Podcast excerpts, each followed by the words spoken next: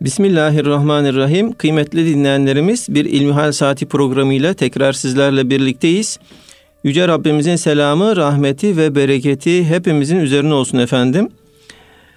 Sizlerden bize ulaşan soruları değerli hocamız Doktor Ahmet Hamdi Yıldırım cevaplandırıyor. Muhterem hocam ilk sorumuz e, yurt dışından geliyor. Dinleyicimiz bize şöyle yazmış. Hocam ben Avrupa ülkelerinden birinde bir mağazada çalışıyorum.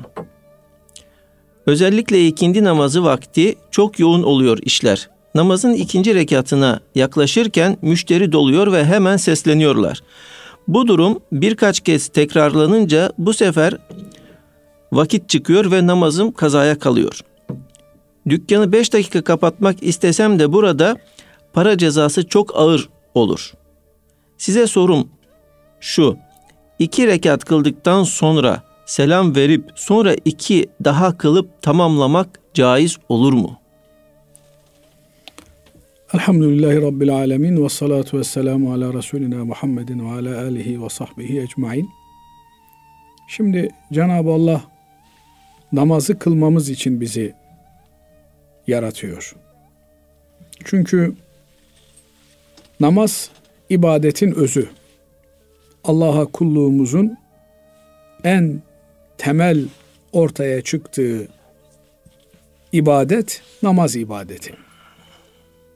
Binaenaleyh eğer bir vazife, bir iş, bir ticaret namaza mani oluyor ise o zaman bize düşen şey o vazifeden, o ticaretten, o işten uzak durmaktır. Çünkü önceliğimiz namaz olduğuna göre namazımızı hayatımızın merkezine yerleştireceğiz.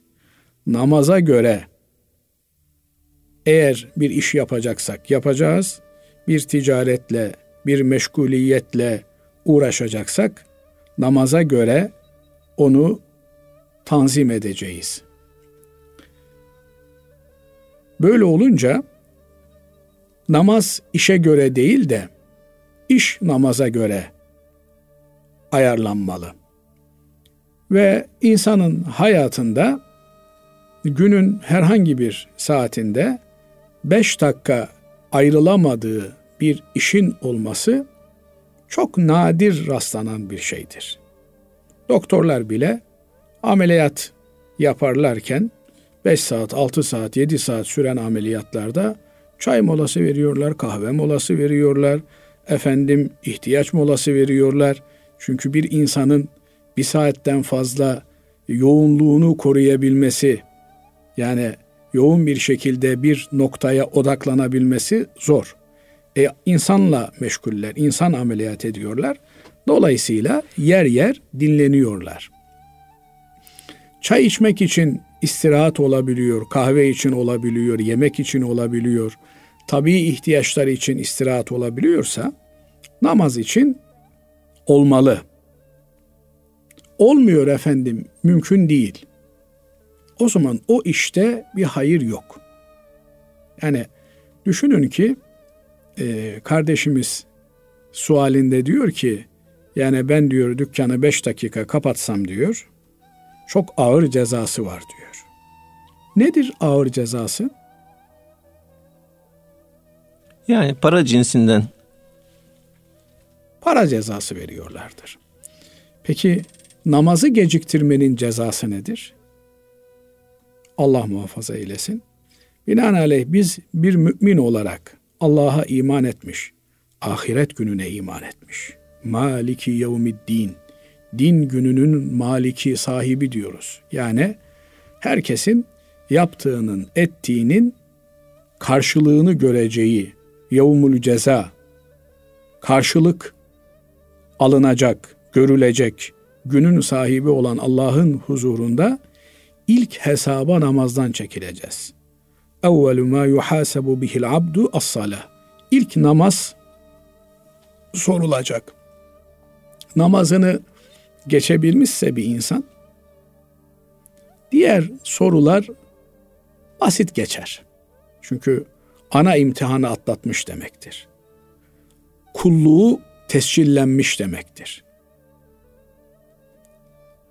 Allah'a kul olduktan sonra bir insan kulluğunu itiraf ettikten sonra onun ufak tefek hataları, günahları Allah'ın izniyle affolunur.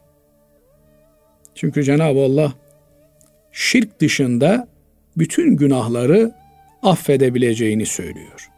Dilediği kullarının şirk dışında, Allah'a ortak koşmak dışında bütün günahlarını affedebileceğini bize müjdeliyor. Şimdi şirk ne? Allah'ın zatına ve sıfatlarına ortak koşmak. Cenab-ı Allah'ın sıfatlarından bir tanesi de Ar-Razzak. Rızkı verendir Cenab-ı Allah.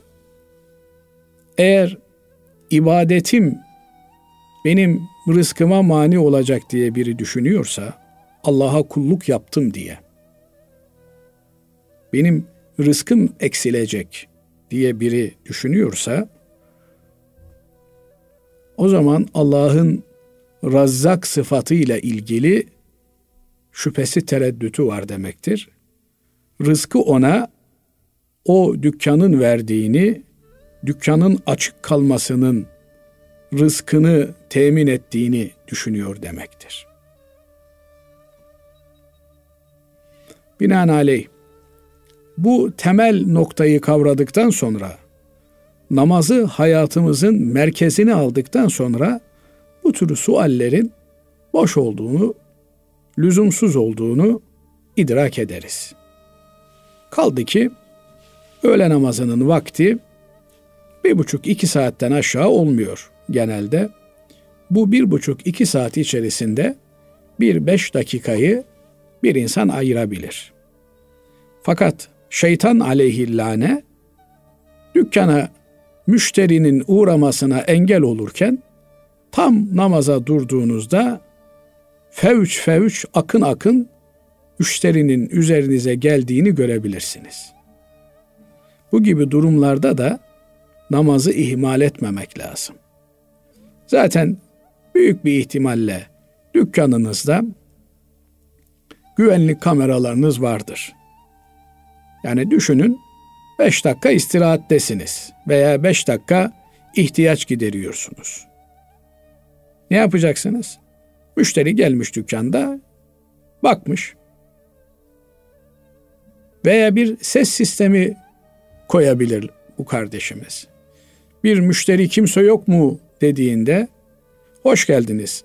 Buyurun bir 3-5 dakika keyfinize göre vitrinleri gezin. Size geliyoruz diyebilir. Hasılı kelam kendi çözümünü üretmek durumunda. Üretemedim, çare yok. O zaman kapatırsın dükkanı.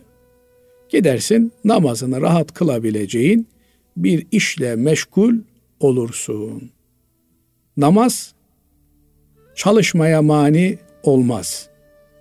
Çalışma namaza mani oluyorsa o zaman asıl vazifemizi, asıl işimizi, asıl çalışmamızı ihmal etmeden diğer tali, teferruat olan, efendim ayrıntı olan çalışmalara yönelmemiz gerekir. Bir insanın Allah'ın bize verdiği sayısız, sonsuz nimetler karşısında günde toplasanız beşer dakikadan 25 dakikayı bulmuyor namazımız. He, bu kardeşimiz öğle namazının sadece farzını kılabilir yoğunluğunda. Sonra farklı sünnetlerle, gece teheccüd ile telafi etmeye çalışır. Ama ben öğle namazını iki kılayım. Böyle bir şey yok. Çünkü Cenab-ı Allah ibadet yükümlülüğünü bize yüklemiş. Peygamber aleyhissalatu vesselam Efendimiz de onun mahiyetini bize açıklamış. Efendimiz aleyhissalatu vesselam çok yoğun olduğunda dahi namazı dört rekat kılmış. Ancak yolculuk esnasında iki rekat kılmaya müsaade var. Binaenaleyh onun dışında namazlar öğle, ikindi, ve yatsı namazları dört rekat olarak kılınmak durumunda. Cenab-ı Allah bütün hepimize namaz şuuru lütfeylesin. Namazı hayatımızın merkezine almayı, namazla ilgili her şeyi de. Yani bir Müslüman abdestine dikkat eder. Vücut temizliğine, taharetine dikkat eder. Niye? Namaz kılacak. Elbisesinin temizliğine, güzelliğine dikkat eder. Niye? Namaz kılacak. Her gün Cenab-ı Allah'ın huzuruna beş defa çıkacak. Onun için pecmurde bir kıyafetle Rabbinin huzuruna çıkması uygun değil. Nitekim Kur'an-ı Kerim hudu zinetekum buyuruyor. Yani e, camiye gideceğinizde bazı alimlerimizin yorumlarına göre namaza duracağınızda güzel elbiselerinizi, zinetlerinizi, süslü elbiselerinizi giyin. Rivayetlere göre bazı sahabe efendilerimiz çok şık giyinirlermiş. Niye böyle şık giyiniyorsun diye sorulduğunda Rabbimin huzuruna güzel çıkmak istiyorum dermiş. Binaenaleyh her şey Müslümanın hayatında namaz içindir. Eğer hayatımızı namaza göre programlayabilirsek Cenab-ı Allah diğer işleri kendiliğinden olduruverir. Onun için ekstra bir çaba sarf etmemize gerek yoktur. Kaldı ki dinimizin düsturu bize emri ne ahiret için dünyayı ihmal edeceğiz ne de dünya için ahireti ihmal edeceğiz. İkisini dengeli bir şekilde yürüteceğiz. Buna göre günün 24 saatinin 23 buçuk saatini dünyaya harcarken bir yarım saatini ahirete harcayamıyorsa bir insan dengesini kaybetmiş demektir. Kaldı ki aklı başında bir Müslüman günü e, üçe taksim eder. Üçte birini doğrudan ibadette geçirmeye, üçte birini istirahatle, üçte birini de efendim dünyevi işleriyle meşgul olmaya ayırır. Eğer dünyevi işlerimizle meşguliyetimizi de güzel bir niyete bağlayabilirsek, efendim çoluk çocuğum namerde muhtaç olmasın, kimseden bir şey dilenmeyeyim diye bir ticaretle meşgul olursa, o da bir ibadet hükmüne girer. Çünkü kulun Allah'tan başka kimseye boyun eğmemesi asıl olduğuna göre birinden gidip bir şey isteme zilletine katlanmadan gücü kuvveti yerindeyse kendi elinin emeğiyle kazanıp yemesi her şeyin üstündedir. Böylelikle bir ibadet hükmü kazanmış olur dünyevi meşguliyeti de.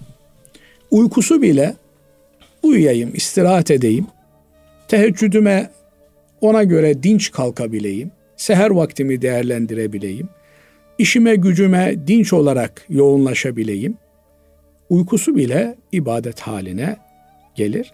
Dolayısıyla önceliğimizi iyi tespit etmemiz gerekiyor. Biz önce Allah'ın kulu muyuz? Yoksa dünyanın hizmetçisi miyiz? Bunu tespit etmemiz gerekiyor. Elbette bu kardeşimiz dini hassasiyetinden dolayı, ahiret endişesinden dolayı bunu söylüyor. Benim bu söylediklerim onun imanını güçlendirme vesilesi olur inşallah. Bu durumda olan kardeşlerimiz için de bir takviye olmuş olur. Öncelikle kendi adıma söylüyorum Basri Hocam. Yani e, namazı doğru dürüst kılabilmek bizim için ideal. İnşallah Rabbim o namaz tadını almayı bizlere nasip eder. Bütün ümmeti Muhammed'e nasip eder. O öyle bir tat ki namazın tadını alan bir kimse diğer bütün tatlardan, zevklerden, lezzetlerden kendini müstahni görür. Niye? Yani alemlerin Rabbinin huzuruna kabul ediliyor insan. Huzurdasın. Yani bu hem huzur bulmak anlamıyla huzurdadır insan hem de Rabbinin huzuruna kabul edilmiştir.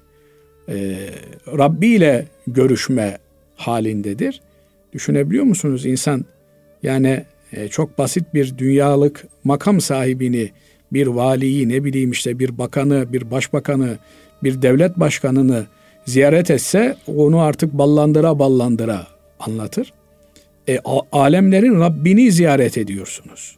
Onun huzurunda duruyorsunuz ve görüşme yapıyorsunuz. Yani bu bir insan bundan daha büyük nasıl bir tat, nasıl bir lezzet alabilir? Evet, işte bu bunu hiç unutmamak lazım hocam. Hiç akıldan, gönülden çıkarmamak lazım. Yani namaz diyoruz da namaz yani namaz kelime olarak hani e, bir sanki çok manasını kaybediyor. Yani Allah'ın huzurunda Allah'ın huzuruna gidiyorum. Hani namaza gidiyorum şeklinde değil de insan Allah'ın huzuruna gidiyorum şeklinde düşünürse, kendine böyle telkinlerde bulunursa camiye giderken e, muhakkak çok daha farklı bir e, namaz eda edecektir. E, Şimdi e, müsaadeniz olursa bir e, anımı anlatmak isterim. E, sohbet yaptığımız kardeşlerimizden, hocalarımızdan biri e, bir kimseye Arapça ders verdiğini söyledim. Belli bir zümreye ait bir kanaat önderi bu Arapça ders verdiği kişi. Fakat namazla niyazla alakaları yok. Bizim namazımızı Hazreti Ali Efendimiz kıldı diye bir düşünceye sahipler. E, ders yaparken diyor akşam namazı vakti oluyor. Kendisinden bir seccade istiyorum. Akşam namazını evinde eda ediyorum diyor. Evine gidiyorum ders vermeye. Bir gün bana dedi ki hoca sen namaz kılıyorsun ama bu namazın ruhuna erebiliyor musun? Tadına, lezzetine, hazzına varabiliyor musun? dedi. Ben de kendisine işte bütün maksat zaten o tada erebilmek, o lezzeti yakalayabilmek. İnşallah kıla kıla o lezzete ulaşacağız dedi. Elbette bizim hepimiz e, bir iki rekatlık makbul namaz için uğraşıyoruz. Yani namaz antrenmanlarıyla inşallah o hakiki namaza ulaşacağız. Kardeşimize haddim olmayarak dedim ki hocam şunu da ilave edebilirdin belki. Evet namaz kıldığımda o tadı alamıyorum, o lezzete ulaşamıyorum, o hazı yakalayamıyorum belki ama namazı kılmadığımda öyle bir hafakan beni basıyor ki, öyle bir sıkıntı, ruh ıı, stresi beni yakalıyor ki o anda beni öldürseler o kadar acı hissetmem. Hakikaten yani e, şimdi namaza alışmış olan bir Müslüman bir vakit bilerek namazı geçirmek nedir bilmez. Yani onun onun için bazıları derler ki e, kaza namazı diye bir namaz yoktur derler. Ne demek? Yani bir adam bile bile bir namazı kazaya bırakmaz. E bilmeden bıraktığı da zaten kaza sayılmaz. Yani düşünün e, sizi ameliyata almışlar. Ameliyatta e, üç vakit beş vakit geçmiş. Uyandığınızda kendinize geldiğinizde namazı kılabilecek bir duruma geçtiğinizde o namazlarınızı kılarsınız. Dolayısıyla o kıldığınız namaz e, imkan bulduğunuz anda kılındığı için vaktinde kılınmış sayılır. Yani buradan e, yanlış bir şey anlaşılmasın. Elbette kılamadığımız namazı kaza edeceğiz. Ama bir Müslüman göz göre göre efendim çok müşteri vardı. E, çok ticaret yapıyorduk. Ya kardeşim 5 milyon kazanacaktım. Ben o 5 milyonun 4 milyonunu fakir fukaraya dağıtırdım. 5 milyon yerine 100 milyon da dağıtsan bir namazın hakkını ödemez. Niye? Ya kimin malını kime dağıtıyorsun? 5 milyon senin, 100 milyon senin, 1 milyar senin mi? Bizim parayla imtihanımız çok e, dehşet bir imtihan. Yani para bizde artık e, gaye haline gelmiş. Niye yaşıyoruz? Para kazanmak için. Hadi e, şuna da yanıyorum. Yani parayı kazanıp yiyebilsek yine bir derece. E, büyüklerden birine soruyorlar e, en adi insan kimdir? Diyor ki e, ahiretini satıp dünyayı alan insandır diyor. Ya namaz yok, niyaz yok. Efendim dünya için uğraşıyor. Peki bunların da en adisi, en alçağı kimdir diye soruyorlar. Başkasının dünyası için kendi ahiretini satandır diyor. Yani parayı kazanıyorsun, ediyorsun. Karun gibi biriktiriyorsun. Kime kalacak? Senden sonrakilere kalacak. Belki gelecek bir yan kesici vurup alacak elinden. Dolayısıyla e, kazandığımız mal, mülk, ahiret yatırımına, sermayesine dönüşebiliyorsa o zaman karlı bir ticaretteyiz. Değilse o ticaretimiz eğer namazla ilgili bir tereddüt uyandırıyorsa bizde e, Allah muhafaza etsin hayırlı bir ticaret sayılmaz. Bu yönüyle e, hakikaten namaz disiplinine dikkat etmek lazım. Namaz disiplini olan bir kimsenin vakit disiplini de vardır. Evet, Allah namazı hakkıyla kılabilmeyi hepimize nasip eylesin. Allah razı olsun değerli hocam. Efendim ikinci sorum şöyle. Hocam ben borçlu birisiyim. Çocuğum oldu. Akika kurbanı keseceğim. Kesebilir miyim? Bir mahsuru var mı diyor. Şimdi borç meselesi e, çok önemli bir mesele. Yeri gelmişken söyleyelim. E, birinden borç almak. Yani Basri hocam bana işte 5 bin lira borç verir misin? Verdiniz Allah razı olsun. Çok sıkıntılı bir mesele. Bir an önce o borcu ödemek lazım. Ödemezseniz iki ihtimal söz konusu. Ya imkanınız olduğu halde ödemiyorsunuz ya da imkanınız yok. İmkanı olduğu halde ödemeyen kişi ödemediği sürenin tamamında zalim damgası yiyor. Şimdi bazıları e, kardeşim ne acelesi var yarın öderim. Haftaya öderim. Adamın zaten bu paraya ihtiyacı yok ki. Adamın paraya ihtiyacı olmayabilir. Ama bizim ahlaka ihtiyacımız var. Erdeme ihtiyacımız var. Binaenaleyh ticari bir borç değilse yani vadesi olan bir borç olur. Efendim e, makine parkını değiştirdiniz fabrikanızda. İmalatçıyla borçlanma senetleri imzaladınız. İşte 2022'de 2023'te ödeyeceksiniz. Tamam. Vadesi geldiğinde ödersiniz. Fakat vadesi gelmiş olan borcu ödememek veya birine ihtiyacınıza binaen gitmişsiniz ve karda hasen dediğimiz ticari olmayan karşılıksız bir borç istemişsiniz.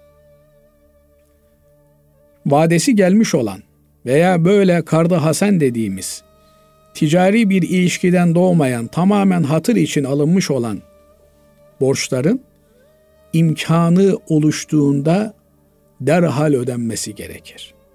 Ödenmeyen her salise zalim damgasını yer insan. Allah muhafaza etsin. Eğer ödeme imkanı yoksa evet alacaklının ödeme imkanı oluşuncaya kadar beklemesi lazım. Fakat bu esnada ölse adam kul hakkıyla ölmüş olur. Bakın dünyadaki en büyük mertebelerden bir tanesi şehitlik mertebesi. Yani adam Allah'ın dini için, Allah'ın dini yeryüzüne egemen olsun diye cihad ediyor. Ölüyor. Malını, mülkünü, canını, her şeyini kaybediyor. Bu kimse için Cenab-ı Allah ölü demeyin diyor. Allah yolunda öldürülmüş olanlara ölü demeyin. Onlar diridirler diyor.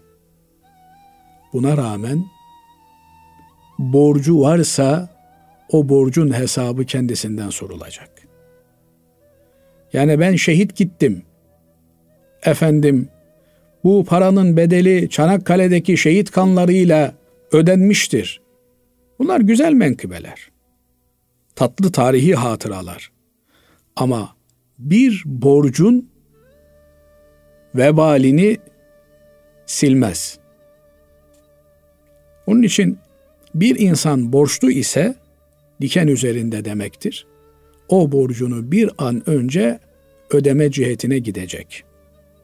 Şimdi borcu ödemek farz olduğuna göre benim çocuğum oldu. Evet, e, erkek çocuksa iki koç, kız evlat ise bir koç kesmek. Buna akika diyoruz. Hem ana babası için hem de o evlat için bir berekettir. Bizim mezhebimizde müstahaptır. Hz. Peygamber Efendimiz tavsiye etmiştir, sünnettir.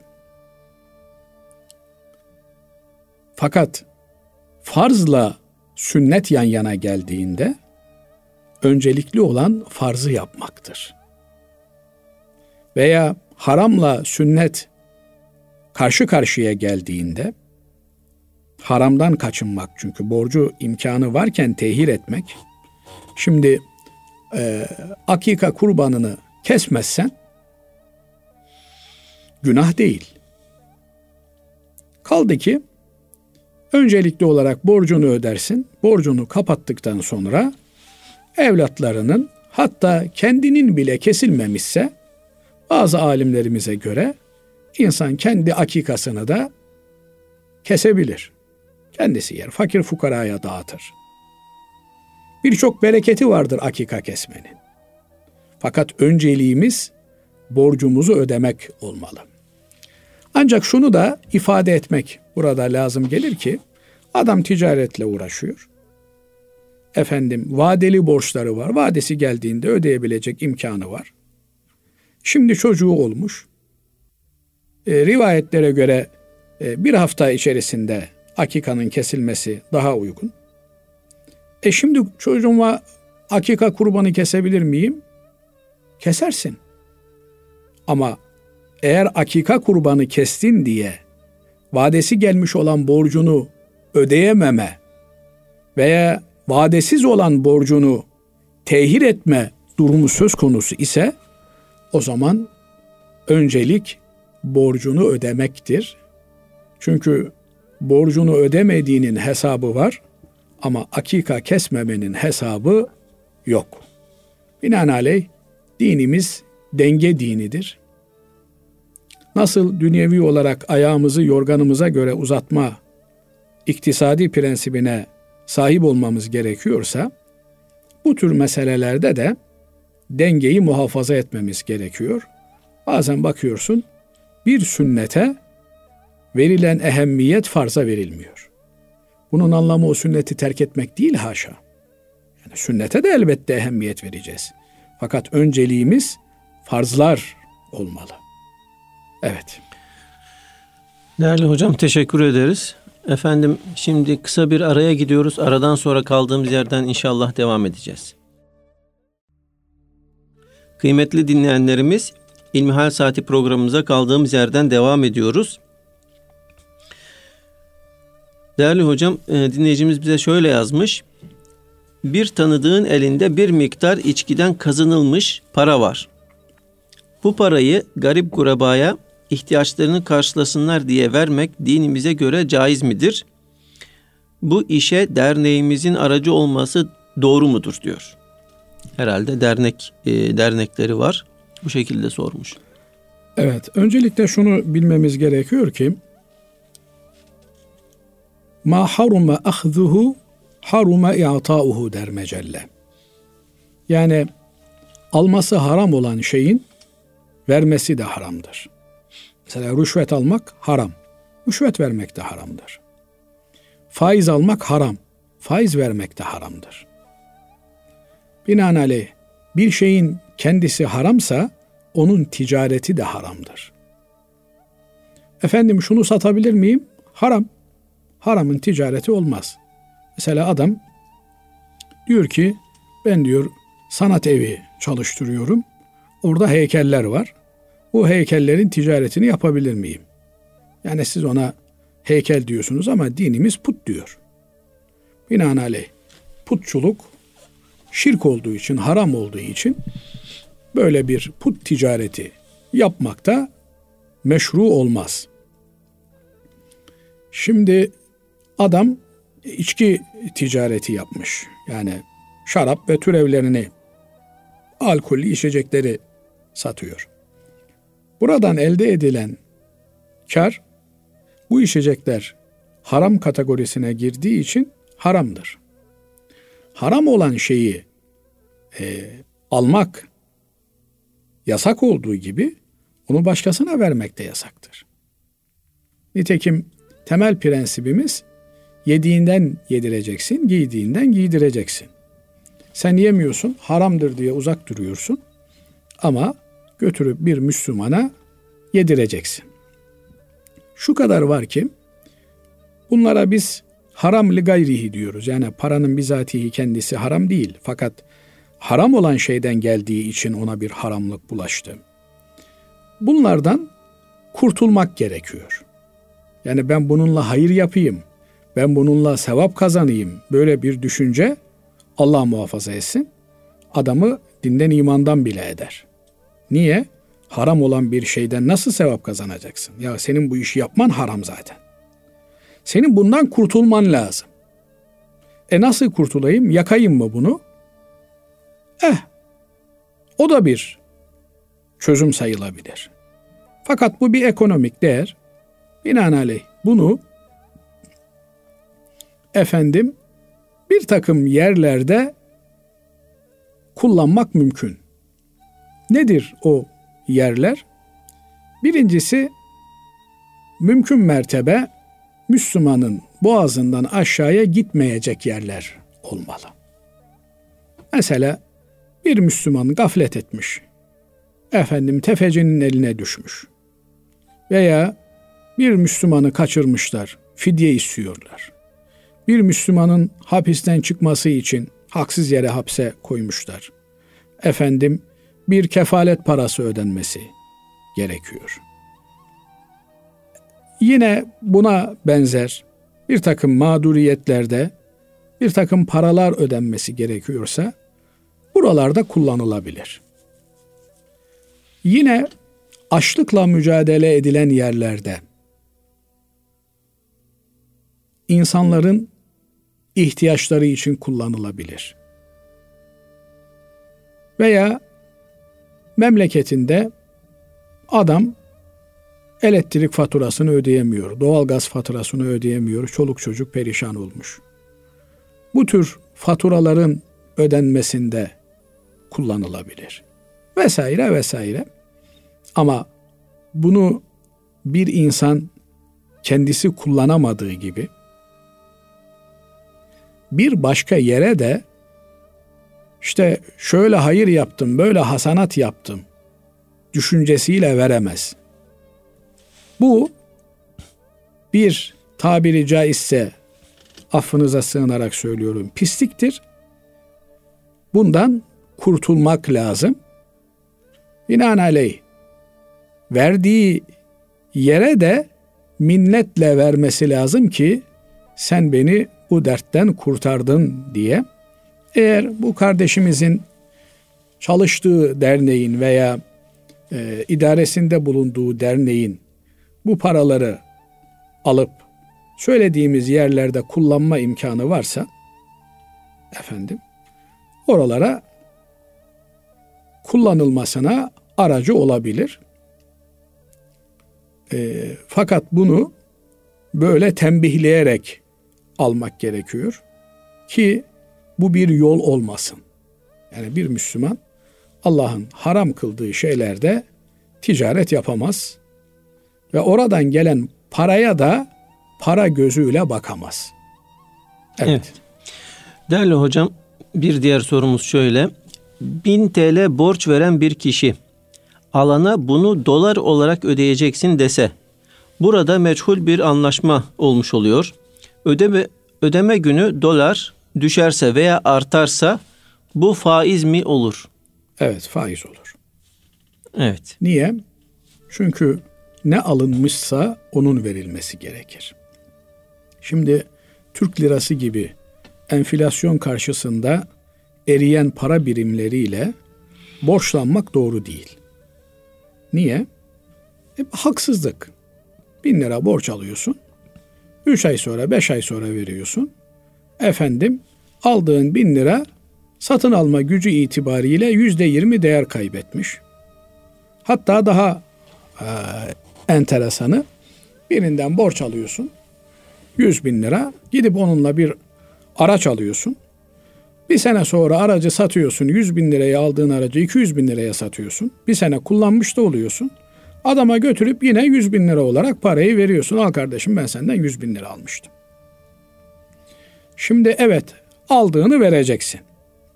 Fakat yani Türk lirasıyla borçlanmak ancak ihtiyacı için, zaruri ihtiyaçları için olabilir. O da zaruret miktarınca olur. Yani eve götürecek ekmeğim yok. Bana 300-500 lira borç verir misin? Zaten burada bu borcu verecek olan kişi de onu borç olarak vermez imkanı olduğu sürece. Onu zekatına hesap eder. Efendim hayratına, sadakasına hesap eder. Yoksa ben araba alacağım, bana borç ver. Ben ev alacağım, bana borç ver. Bu tür şeylerde mümkün mertebe insan borç aldığı kişiyi de düşünmeli. Onun da borç verdiğine pişman olmayacağı bir şey üzerinden borçlanmalı. Ne olur? Altın olabilir. Ee, böylelikle iki tarafta bir mağduriyet yaşamaz. İyi de altın bugün işte 400 liraydı gramı aldık seneye 500 lira oldu. E bu sefer borç alan adam zarara girmiş olmaz mı? Olmaz. Niye olmaz? Çünkü borcu bir şey karşılığında almış o. Yani ya bir ev almak için ya bir araç için almış. Yoksa niye borç almış ki? Yani ihtiyacını görmüş o bir senede. Binaenaleyh bu gibi noktalara dikkat etmek lazım. Fakat Türk lirası almışsa Türk lirası ödemesi lazım. Evet. Burada yine e, bir önceki sualdeki noktayı hatırlatalım. Bu tür borçlanmalar zarurete binaen borçlanmalar olabilir. Nedir? Efendim e, yiyecek ekmeğin yoktur. İşte çocuğun hastalanmıştır. Doktora götüreceksin. Efendim e, ameliyat olacaktır. Paran yoktur. Başını sokacak bir evin yok. Evin için alıyorsun. Ama eğer e, parayı değerlendireyim diye adam işte bir araba alayım ben para çarçur olmasın diye bir yarı yatırım yarı kullanım türünden bir şey için borçlanıyorsa bunu mümkün mertebe değer kaybı az olan bir para birimi üzerinden yapmalı. Onun için Türk lirası kısa vadeli işlemlerde evet bir mübadele aracı olarak kullanılabilir ama uzun vadeli işlemlerde e, maalesef taraflardan birinin aleyhine e, cereyan ettiği için bu hususa dikkat etmek gerekiyor. İkinci bir mesele e, burada Türk lirası verip dolar almak bir sarf aktidir. Yani exchange diyorlar bugün. Para bozdurma aktidir. Bu akitlerde Hazreti Peygamber aleyhissalatü vesselam Efendimizin net ifadesi var. E, elden ele yani anında peşin olarak yapılması lazım. Lira verdin dolar alacaksın. Anında el hareketi böyle. Gelecek gidecek. Yani e, araya bir zaman unsuru girmeyecek. Şimdi sen bana 100 lirayı ver ben yarın sana işte 10 dolar veririm. Türünden bir muameleyi e, Hazreti Peygamber aleyhissalatü vesselam Efendimiz yasaklıyor. Bu yasak bir işlem. Binaenaleyh para bozdurma işlemlerinin anlık olarak cereyan etmesi lazım. Bu hadisin e, hikmeti bugün daha iyi anlaşılıyor. Belki Efendimiz Aleyhisselatü Vesselam zamanında e, hatta e, işte ondan sonraki dönemde e, altın ile gümüşün paritesi çok uzun yıllar sabit bir pariteydi. Buna rağmen değişirken anlık değişmek gerekiyordu. Bugün ise saniyeler içerisinde paritelerin değiştiğini yani değerlerin değiştiğini görüyoruz. Hatta hocam sözünüzü kestim. Bankada işlem yaparken şey değişti diyor. Yani kur değişti diyor. Evet saniyeler içerisinde değişiyor. Buradan da anlıyoruz ki Hazreti Peygamber aleyhissalatü vesselam Efendimizin koymuş olduğu hayata dair kurallar, işte ister iktisadi olsun, ister içtimai olsun, ister yasamaya dair teşrii kurallar sadece dönemi için değil kıyamete kadar bütün ümmeti Muhammed'in yolunu aydınlatacak kurallardır. Bu yasak bir işlemdir. Ama işte ben öbür türlü zarar dide olacağım. O zaman dolar ver. Veya ne bileyim işte e, Kuveyt dinarı ver. Şart mı Türk lirası vermen? He ama şu da bir hakikattir. Ya zaten adam fakir. ihtiyacı var. Şimdi buna e, evine ekmek götürmek için verdiğin bin lirayı lira değil de dolar olarak versen iki ay sonra, üç ay sonra kıvrım kıvrım kıvranacak ben bu parayı nasıl öderim diye. Sen e, değer kaybı olacağını bilerek bu parayı verdiğinde kaybolan her değerin için Allah'ın sana sevap lütfettiğini de hesaba katman lazım. Nitekim bu tür muamelelerde yüzde yüz hakkaniyeti sağlamak, yani tam bir denkliği tutturabilmek zor. Onun için Cenab-ı Allah diyor ki وَلَا تَنْسَوُ الْفَضْلَ بَيْنَكُمْ Aranızda fazileti unutmayın, erdemi unutmayın. Üçün beşin hesabını da yapmayın. Yani bin lira vereceksin, bir sene sonra bin lira alacaksın. Kaybolsa olsa yüzde elli kaybolmuş olacak, 500 lira kaybolmuş olacak. Yani eğer karşında verdiğin adam ihtiyacı olan biri ise bir Müslüman bunun hesabını yapmamalı. Kendi imkanı varsa tabii. Ama ben kaybediyorum. E, dünyada kaybeder gibi görünürsün ama Cenab-ı Allah onu sana ahirette kat be kat fazlasıyla verir. Fakat dediğim gibi yani adam bir yatırım için efendim hem ihtiyacım hem yatırım olsun diye yapıyorsa o zaman başka e, finans temin etme yollarına bakmalı. Borç aldığı kimseye de haksızlık yapmak doğru değil. Hele de bunu bile bile ya alayım nasıl olsa Türk lirası değer kaybediyor. Bazı uyanıklar da var. Alıyorlar, dolar yapıyor. Ondan sonra nasıl olsa dolar artıyor diye ama bazen ters de olabiliyor. Binaenaleyh e, Müslüman diğer gam insandır. Yani alırken de satarken de e, borç verirken de borç öderken de musamahakar olanı Allah rahmet etsin diyor. Yani bunun anlamı şu kardeşini düşünen, karşındaki muhatabı düşünen insana Allah rahmet eylesin. Onun için Ebu Hanife Hazretlerine kadıncağızın biri geliyor. Şu kumaşı satmak istiyorum diyor. Ne istiyorsun diyor. 100 dirhem fazla eder diyor. 200, 300, 400'e de fazla eder deyince kadın diyor ki sen benimle dalga mı geçiyorsun diyor. Yani alt tarafı bir kumaş alacaksın diyor. 100 dirhem dedin 400'e kadar çıktın ona da fazla eder diyorsun. Niye? E çünkü Ebu Hanife akıllı adam. Yani ne döneminde ne döneminden sonra öyle bir zeka gelmemiş, öyle bir fıkıh anlayışı yok. Ya yani üç kuruştan sebep şimdi e, dininden mi olsun? Yani dindarlığından mı olsun? Ama hocam Türkiye'de ülkemizde şöyle bir şey var çok yaygın. Çok kişiden duydum. Efendim alırken kazanacaksın. Doğru alırken kazanacaksın. Yani eğer fakir biri satıyorsa fazla vereceksin. evet. Kazanacaksın. Ama bunların kastettiği yani ucuza almak. Ha, işte orada problem var. Niye? Ee, kazanmak demek ucuza almak demek değil. Kazanmak demek vicdanı rahat, ölmemiş vicdanlar için söylüyorum tabii. Vicdanı rahat bir alışveriş yapmak. Eh fazla verdik ama adamın işi görüldü be. Şimdi bazen görüyorsunuz sokakta bir çocukcağız mendil satıyor bir liraya 50 kuruş olmaz mı diye pazarlık yapıyor. Ya kardeşim Allah insaf versin hepimize. Evet. Evet. Değerli hocam diğer sorumuz şöyle. Selamünaleyküm diye başlamış dinleyicimiz. Sermayesiz e-ticaret yapmak caiz mi? Şöyle ki benim hiç param yok ve ben internetten düşük fiyata araba parçası satan bir toptancı buldum. Sonra bana ait olan internet sitesinden toptancının ürünlerin resimlerini fotoğraflarıyla yayınladım. Ürünün fiyatını ve resmini gören bir müşteri satın almak için benim banka hesabıma parayı yatırıyor.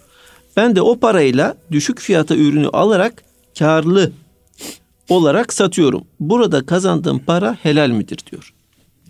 Şimdi e, temel bir ilkemiz var. Kişi sahip olmadığı şeyi satamaz. Efendimiz Aleyhisselatü Vesselam diyor ki La tebi' ma leyse indek. Elinde olmayan, mülkünde olmayan şeyi satma. Fakat burada internetten satış yapan bir kardeşimizin yapmış olduğu bu satış işlemi yani kendisi bir sayfa açmış. Bu sayfada ürünlerin fotoğrafları var. O fotoğrafları görerek, fiyatına bakarak bir kimse onun hesabına parayı yatırıyor. Daha sonra bu kardeşimiz de e, imalatçı veya üretici firmayla irtibata geçiyor. Onun adresine malı kargolatıyor. Böyle bir işlem olabilir mi? Olabilir. Şu kadar var ki burada e, bu işi yapan kardeşimizin üretici firmayla veya imalatçıyla önceden bir anlaşma yapmış olması gerekir ki bunları teminde bir problem yaşamasın. Aksi halde genelde internet satışlarında bu tür e, aldatmacalar olabiliyor. Parayı alıyor. Ben 5 gün, 10 gün, 1 ay neyse belli bir yasal süresi de var zaten. Şu kadar zaman zarfında iade etmesi lazım diye ona da sığınarak elinde mevcut olmayan e, elinde mevcut olmadığı gibi üreticide de mevcut olmayan şeyi satıyor. Bunların fiyatları da genelde ucuz oluyor. Parayı yatırdıktan sonra bir mail geliyor ki çok affedersiniz e, baktık stoklarımızda yokmuş. Zaten Bu, yoktu. E, yani zaten yok ise bu ciddi bir problem. Yani bu e, yasak kapsamına giren bir problem.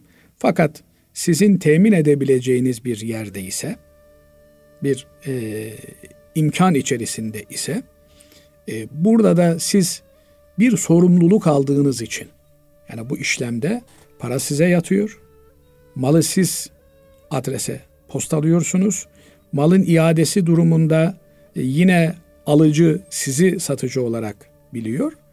Bu durumda en fazla siz e, söz konusu e, imalatçı üzerinden satış yapmış sayılırsınız. E, almış olduğunuz kar da size helal olmuş olur. Evet. Değerli hocam bugünlük e, son sorumuz şöyle. Aileler arasında, kardeşler arasında küslük derecesi ne olabilir? Müslümanlıkta küs kalmak meselesini bize izah edebilir misiniz? diyor. Şimdi e, bir Müslüman bir Müslümana küs kalmamalı. Ama bir Müslüman Müslüman olmayan bir kimseye küs kalabilir. Kalmalı da. Eğer o Müslüman olmayan akrabası olup onun dini hayatına, dini yaşantısına müdahalede bulunmaya kalkarsa, mesela kapalı bir bayan kardeşimiz, kardeşi açık. Onun yanına gittiğinde kardeşi onun başörtüsüyle dalga geçiyor. İşte namaz kılmak istiyorum diyor namazıyla dalga geçiyorsa bu kimseyle küs kalınabilir. Ama küslüğü de kavgaya dönüştürmek doğru değildir. Yani kanlı bıçaklı olmak. Selamını almam, selam vermem. Efendim, evine gitmem, evine evime gelmesin. Türünden olmamalı. E ama az önce dediniz ki evine gittiğinde hakaret ediyor. Elbette bir Müslüman kendisine de hakaret ettirmeyecek. Fakat Cenab-ı Allah e, Firavun'a giden Musa Aleyhisselam'a bile vehcurhu hecran cemila. Ayrılırken güzel ayrıl diyor. Yani Firavun Musa Aleyhisselam'a yapmadığı kötülük yok.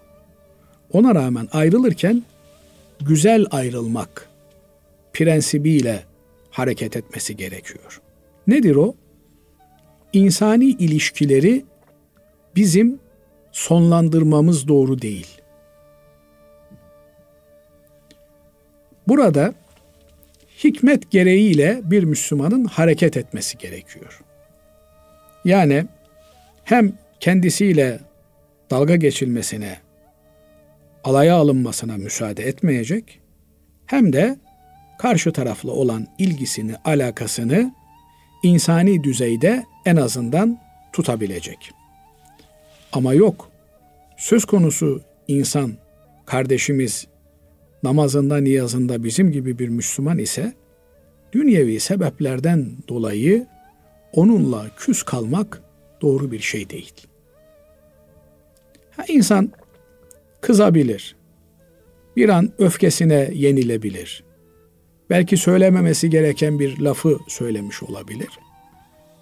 Hemen o gün, ertesi gün, üç günü geçirmeden telefon mu açar, bizzat yanına mı gider, özür diler, barışır, sarmaş dolaş olur ve mevzuyu kapatır. Ama eğer basit bir mevzudan dolayı araya mesafe koyarsa Allah'ın kapanması gereken kapatılmasını emrettiği bir e, ilişkiyi sonlandırdığı için veya Allah'ın sürdürülmesini emrettiği bir ilişkiyi kesip kopardığı için suçlu duruma düşer, günahkar duruma düşer. Bu kişiye yakınlık derecesine göre de ağırlaşır. Annesine babasına küserse, isyan ederse Allah'ın gazabına uğrar. Çünkü hadis ana babanın rızasını kazanan, duasını alan Allah'ın rızasını almıştır. Ana babanın nefretine, gazabına uğrayan Allah'ın gazabına uğramıştır diyor. Binaenaleyh annesiyle konuşmuyor. Babasının yanına gitmiyor. Niye gitmiyorsun? İşte bana şöyle dedi, kardeşime şunu verdi de bana vermedi de vesaire vesaire vesaire. Ana babaya karşı bir evlat kendisini alacaklı konumunda görürse hayatının hatasını yapmış olur. Çünkü hadis ente ve maluke li ebik. Hatta bir varyanta göre ente ve maleke. Sen ve malın babanınsın diyor bir rivayette. Bir diğer rivayette de sen ve sahip olduğun her şey babana aitsin. Dolayısıyla bir insanın ana babasıyla olan ilişkisinde pozisyonu ana babayı memnun etme pozisyonudur. Fakat ana babayı Allah emrettiği için memnun etme durumunda olduğumuzdan dolayı Allah'a rağmen ana baba memnun edilmez. Namaz kılma, içki iç, dans et vesaire filan türünden talebi olursa bunlara riayet edilmez. Ama ne biçim babasın sen? Bana açılmamı söylüyorsun. Senin gibi baba mı olur filan da denilmez. Babacığım sana evlat olmamı emreden Allah örtünmemi emrediyor. Eğer ben Allah'ın emrini çiğneyecek olsam sıra sana da isyana gelir.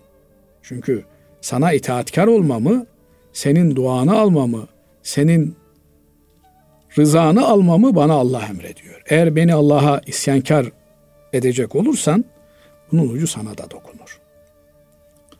Diye cevap vermeli ama kırmadan, dökmeden efendim ses tonunu yükseltmeden. İşte kardeşleriyle miras meselesinden dolayı küsmüş. Haklı olabilirsin. Haklısındır da. Ama haklı olman belli bir yerde söz konusu. Konuşmama cihetiyle haklı değilsin. Aksine konuşacaksın ve yeri geldiğinde de bu senin yaptığın bir haksızlık.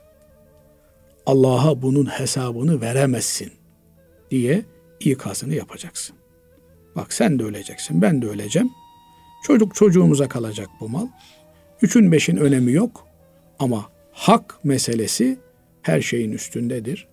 Sana acırım bu hakla ahirete gidersen halin nice olur diye tatlı tatlı izah edeceksin. Bağırırsan, kavga edersen şeytan bak sana bağırdı diye kendini haklı çıkarttırır adama. Binaenaleyh insan e, yakınlık derecesi arttığı kimselere karşı daha hassas olmalı. Mamafi hiç akrabalık bağı bulunmayan Müslümanla bile selam düzeyinde irtibatını devam ettirmeli. Aksi halde e, bir Müslüman hatalı duruma düşmüş olur. Allah muhafaza etsin. Allah razı olsun değerli hocam. Teşekkür ediyoruz. Kıymetli dinleyenlerimiz, bugünlük İlmihal Saati programımızın sonuna ermiş bulunuyoruz. Efendim hepinizi Allah'a emanet ediyoruz. Hoşçakalın.